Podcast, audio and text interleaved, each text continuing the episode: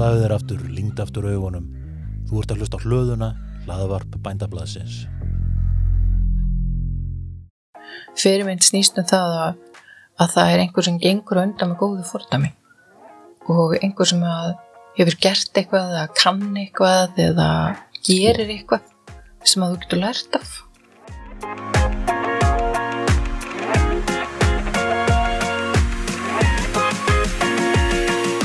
Viðmælandi dagsins er engin önnur en Huld Magnúsdóttir, framkvæmandastjóri Nýsköpunarsjóðs aðdunulífsins. Huld sagði mér frá sjóðunum og sínu ára langa sambandi við nýsköpun. Við rættum hvað væri eiginlega í vatninu hjá nýsköpunarfyrirtækinu Össuri, þar sem Huld vann á sínum tíma, og svo gaf hann að sjálfsögðu góður ráð til frumkvöla. Þetta er þátturinn, það skiptir máli að hafa fyrirmyndir, með Huld Magnúsdóttur.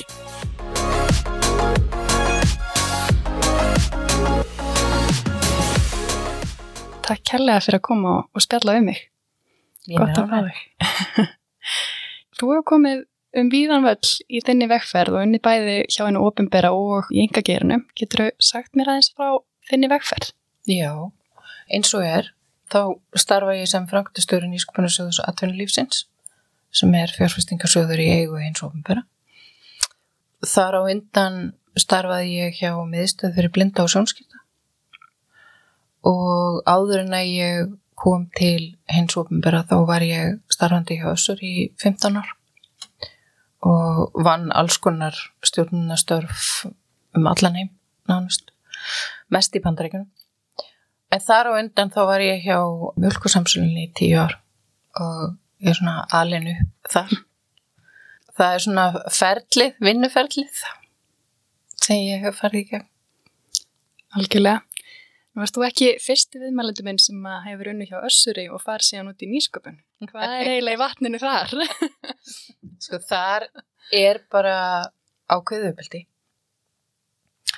og ég að vísu kem nú til Össurar mjög snemma á þeirra vegferð. Félagi var mjög lítið og var nú starfandi ennþá á hverfiskutunni og var að byrja að hefja útflutning og svo langt sinn það var. Og þá var ráðið teimi á ákveðnu árabíli sem var svolítið liti þróun á félagin. Og stækkunin var svakaleg. Gerðist mjög rætt, mikið af vörum þróaðar, keift fyrirtæki, farð á hlutabriðamarka. Í þessu öllu varu þetta mikill lærtumur og uppeldi og ákveðin ægi. Og ég held að þetta skilar sér í því að það verða mjög sterk veldu áhrif áfram. Að við höldum flest áfram að vinna einhvern veginn tengt nýsköpun eða þróunavörum eða einhverju, nýju. Og ég myndi segja ég hafi í rauninni gert það nánast með allt sem ég hef gert þar og síðan. Að til dæmis miðstu fyrir blindu sjónskerta sem ég fór til var ný stopnun og þar þurfti að að hanna í rauninni sko verkverðla og, og þjónustu og þjónustu stíg og ákveða hvernig allt ætti að vera alveg frá grunni. Og gera það í samstarfi við erlenda aðala mikið en líka ennlenda og allt þetta kemur svolítið á saman með því. Það er ákveðin ægi og það er ákveð vinnulag og, og ákveð ferli sem þú notar. Og ég held að Össur hafi þess vegna skila mjög mörgum út í atvinnulífið með þannan bakgrunn Nákvæmlega. Áhugavert. Hmm. Hvað er það sem þið eruð að gera hjá nýsköpunarsöði aðtölulegsins? Við erum að fjárfesta í sprótafyrirtækjum.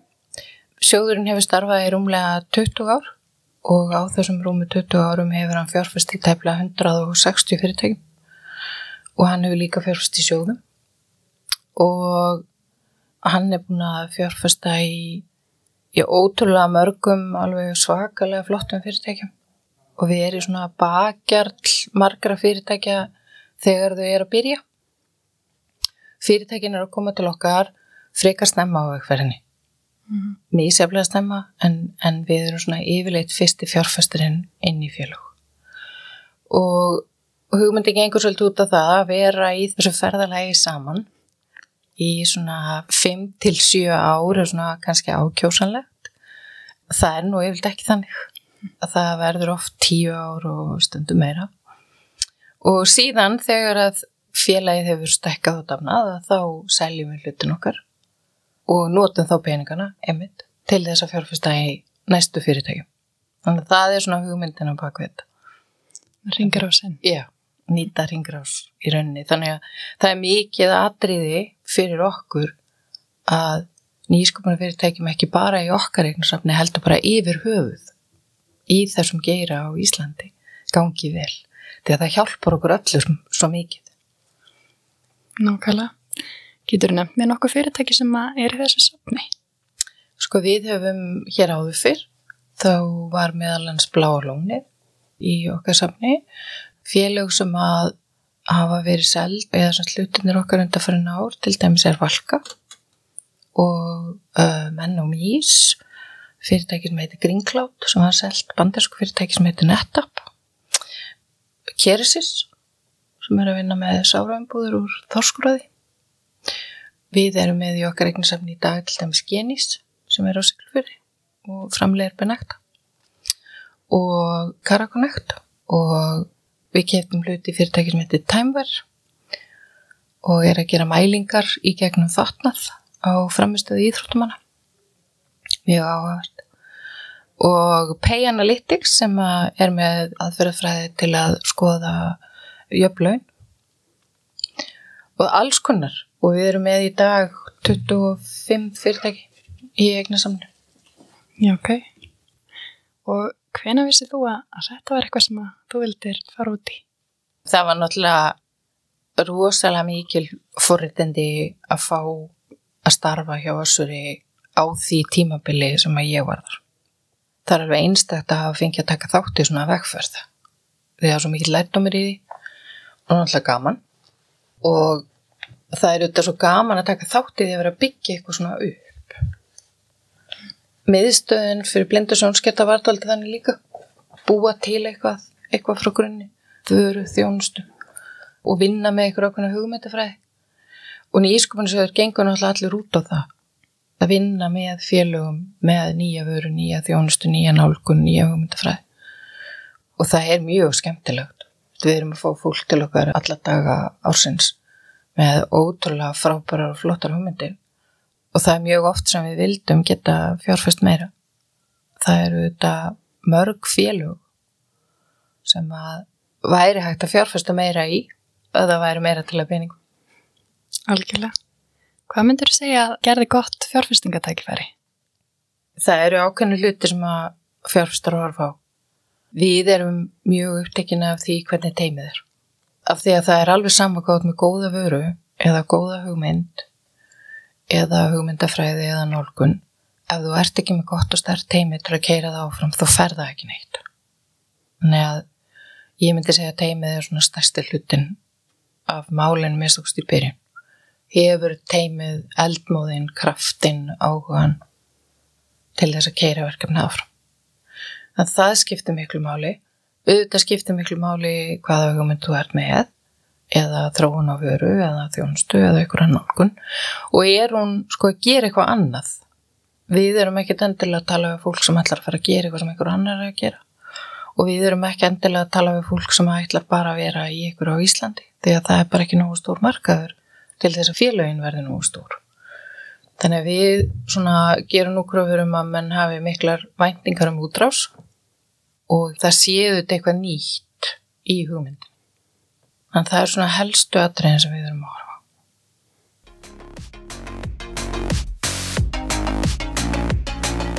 Þegar ég skoðaði fjárfestingastefnu nýsköpunarsjóðs atvinnulífsins vakti sérstaklega áhuga minn áhersla á samfélagslega ábyrð fjárfestingatækifæra og tenging við heimsmarkmið saminuðu þjóðana. En hvað hafði huld um það að segja?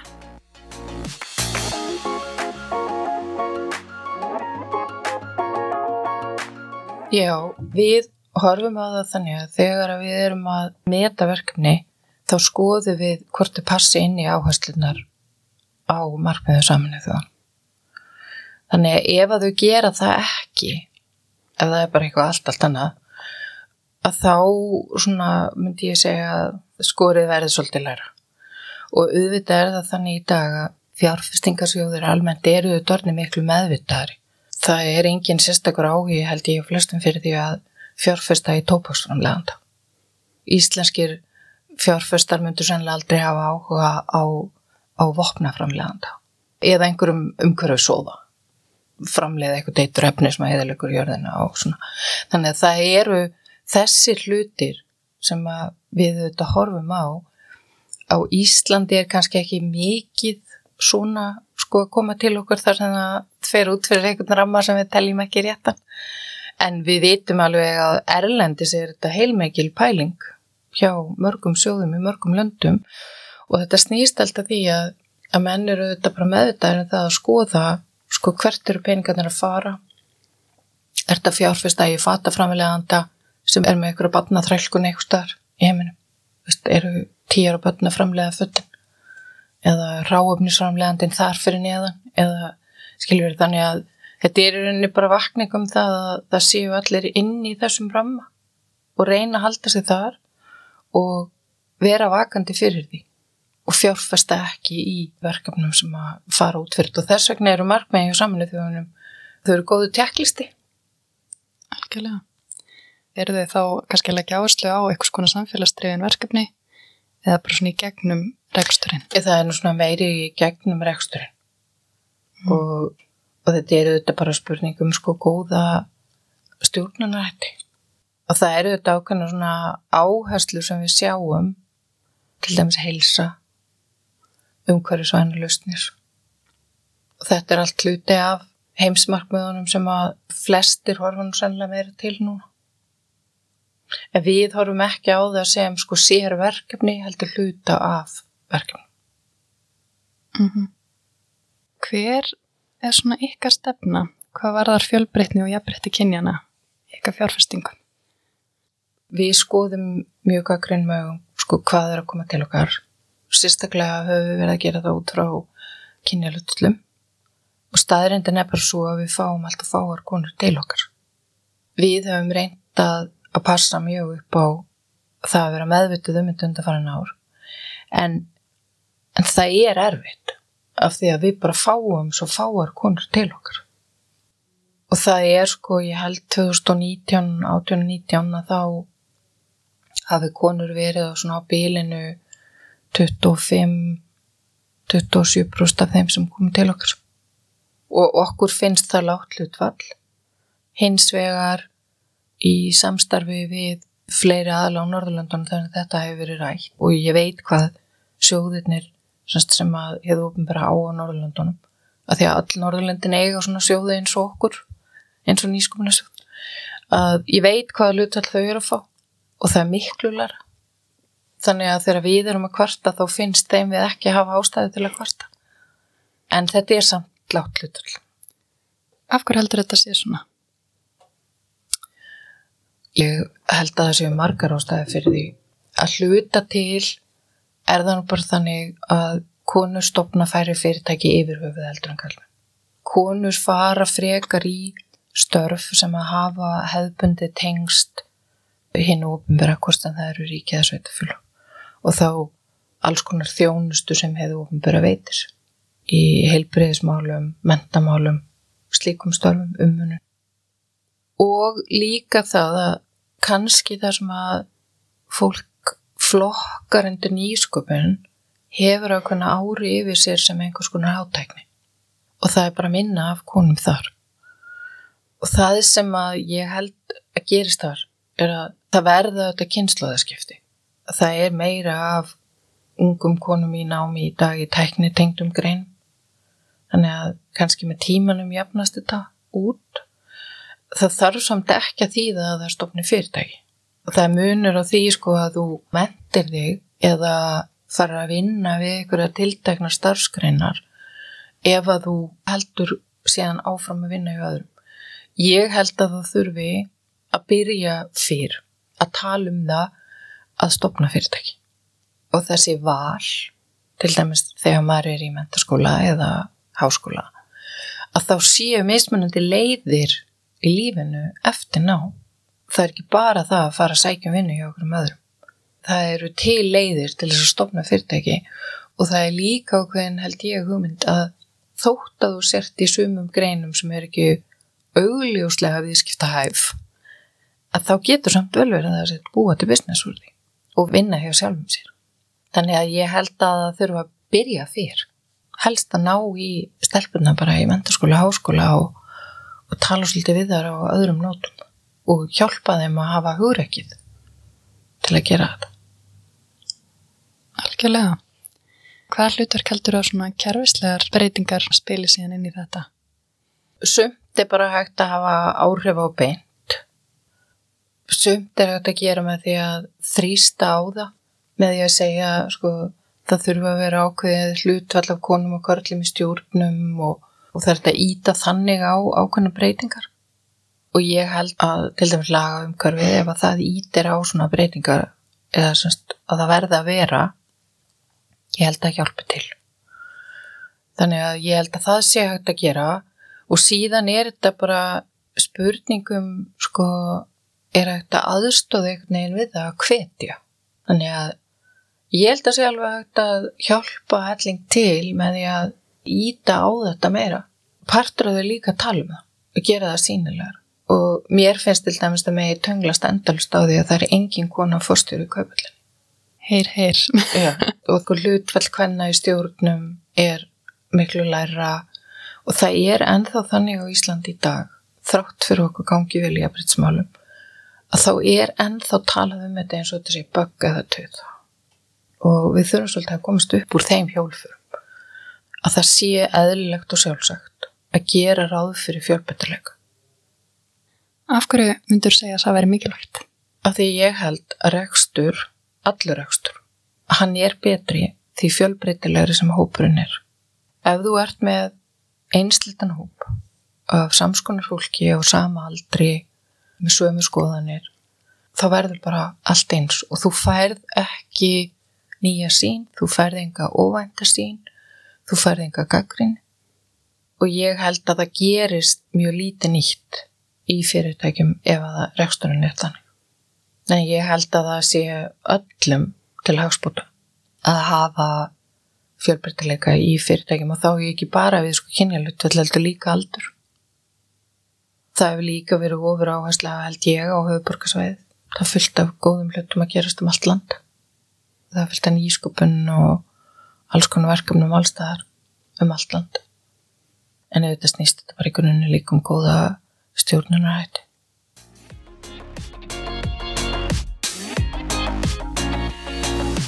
Við huld rættum um áhrifafólkið og fyrirmyndirnar úr hennar vegferð.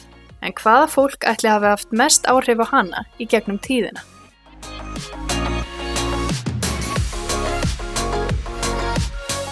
Ég myndi nú segja að ég hafi nú fyrst og fremst verið mjög heppin með samstagsfólki gegnum árunum. Teimi sem ég tilherði hjá Össuri í langan tíma var alveg einstakt. Og það er svona sterkur vinskapur líka sem að helst þó allir sem við farnir út og söður og hægi alls konar störf. Til dæmis þar lærðu við mjög mikið hvert af öðru aftur svolítið þetta með fjölbryttuleikan mismunandi fólk sem hafi mismunandi mentun, mismunandi bakgrunn hafi búið í mörgum löndum, flestir og komið alls konar bakgrunn þar á leiðandi með sér. Hjá hennu ofnbæra hafa þetta verið einstaklingar sem að mér hefur þótt alveg sérstaklega gott að vinna með. Þegar ég kom til miðstöðurinnar þá var Lára Björnsdóttir hjá félagsmálaráðandinu og mér fannst hún svona sterk fyrirmynd. Eiglo Harðardóttir var þeirra og mér fannst hún líka mjög sterk fyrirmynd það eru líka svona margar konur sem að ég hef unnið með sem að mér finnst að hafa haft mikil áhrif sterkar fyrirmyndir og það skipti máli og þegar ég var að vinna hjá mjölkursamsunni þegar ég var í mentarskóla og háskóla þá voru þar konur sem voru líka mjög sterkar fyrirmyndir yfirmenn sem voru þar sem var mjög gott að leita til og maður læriði mikið af. Gaman á að minnast á fyrirmyndir. Að hvað leiti myndur segja fyrirmyndir væru mikilvægar? Ég held að sem mikilvægar af því að maður lærir af þeim og það er ekki endilega, sko, fyrirmynd þarf ekki endilega að vera manneska sem þú ert að líta rosalega upp til.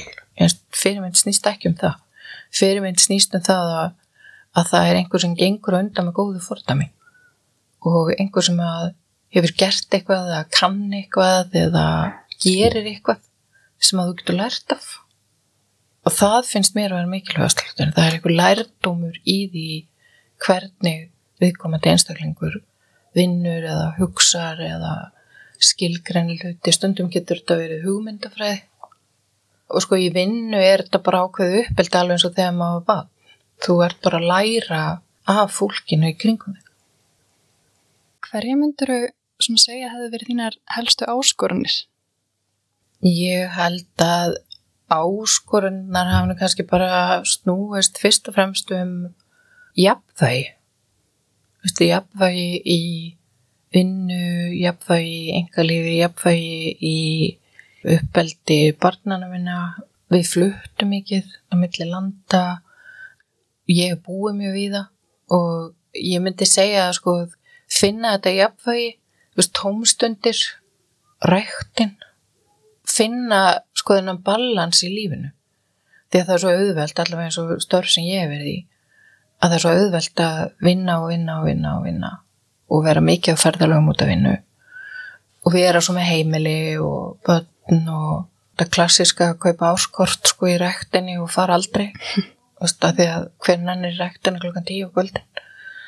Og bæta við mig námi sem ég hef gert sko alltaf með reglulegu millibili mér hefur fundist mjög mikilvægt að fara annarkvæmt í námi eða einhver námskeið að bæta eitthvað við mig alltaf. Mm.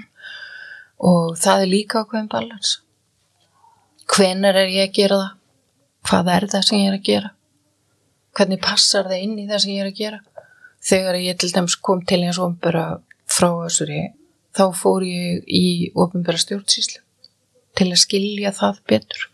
Af því ég hafði ekki unnið hennu bara áður ég myndi segja bara að finna hennan takt í þessu öllu saman. Hvað er, hvað maður hérna hefur mikið að gera og hvað allar að sógast mikið inn í verkefninni. Því það er náttúrulega að vera í vinnu allan stund, stund. bara sjálfstæðar styrtar að leiða völdklass í leðinni já, nákvæmlega. Nákvæmlega. Svona smá í lokin, hver eru svona þín skilabóð til hvenna sem langar að fara út í nýsköpun og frumkvölastarf? Mín skilabóð væru að ef þið langar og ef þú ert með hugmynd, gerði þó eitthvað í því. Og talaðu við ykkur, útskýrðu hvað þið langar að gera og ekki bara tala við ykkur neitt.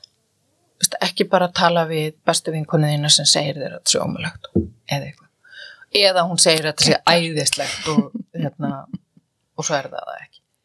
Setja nýra og blæða hvað maður vil gera að hafa hugur ekki til að halda áfram og leita sér aðstóðar það er fullt af þjónust í búði þar sem er hægt að fara og tala við ráðgjafa og það er fullt af fólki það er fullt af hraðlum. Það er mjög sneðu til dæmis að með hugmynd að fara í hraðal og tala við tengslanettið fullt af flottum konum til dæmis í FKA sem eru tilbúinur til að stiðja hverjaðar og, og gefa góð ráð. En ég myndi segja fyrst af fremst er þetta bara að stíga þetta fyrsta skref fara út úr það eindramanum ég held að marga konur sem mjög smekar við að tala um hugmyndinu sína. Það er fyrsta skref. Og ef að fólki langar að hafa samband við ykkur, hvernig er best að það gera það? það? senda okkur tölvupúst eða ringti okkur. Allar upplýsingarnar eru á heimasíðan okkar sem er nýskupin.is og við erum alltaf til í að taka samtal við fólk og, og veita ráðgjöf það eru fáið sem komast í gegnum fjárfestingarsíðinu sjálfa. En við erum alltaf til í samtalið. Þannig að það er allir velkomið að hafa samband. Eitt enn, ef þú myndir stopna fyrirtæki sjálf hvernig fyrirtæki væri það? Það væri mjög sannlega fyrirtæki sem væri í einhverju matartengdu. Ég er með mat á heilanum. Og hérna og ég er líka mjög upptikinn af framtíð matfæla framleiðslu bæði matfæla framleiðslu og matfæla öryggi og ég held að Ísland eigi rosalega mikið inni sem matfæla land og ég held að það er mikið af tækifærum þar en áhugaðsvið mitt liggur þar þannig að þess vegna myndi ég fara þá Í næsta ræti ætla ég að tala við hana Þorbjörgu Helgu frá Karakonnect, þú kannast náðast við hana. Já. hvaða spurningu leggur þú til að ég spyr í hanar?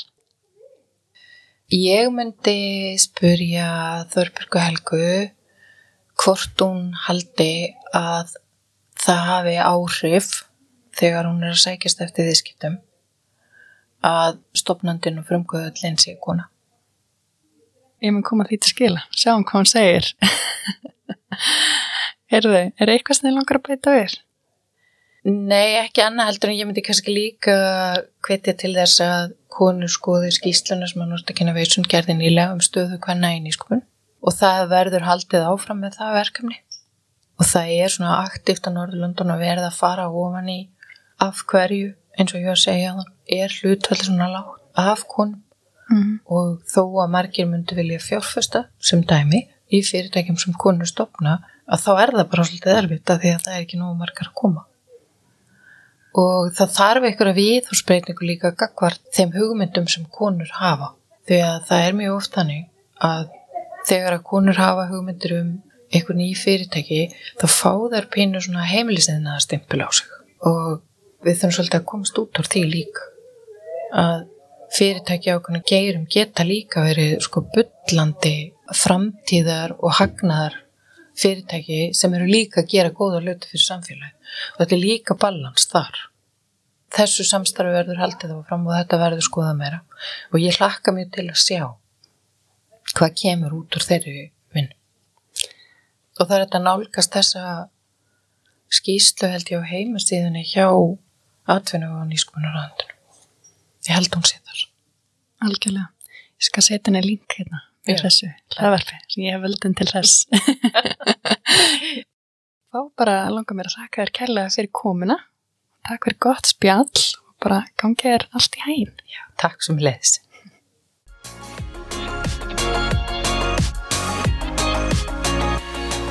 Ég vil þakka Huld kærlega fyrir komuna og fyrir hennar dyrmæta innlegg í umræðuna. Hún er mikil fyrirmynd, yfirviguð, klár og heldur betur að gera frábæra hluti. Í næsta rætti ræði ég svo við Þorbjörgu Helgu Vigfúsdóttur, stopnanda og framkvæmdastjóra Kara Connect.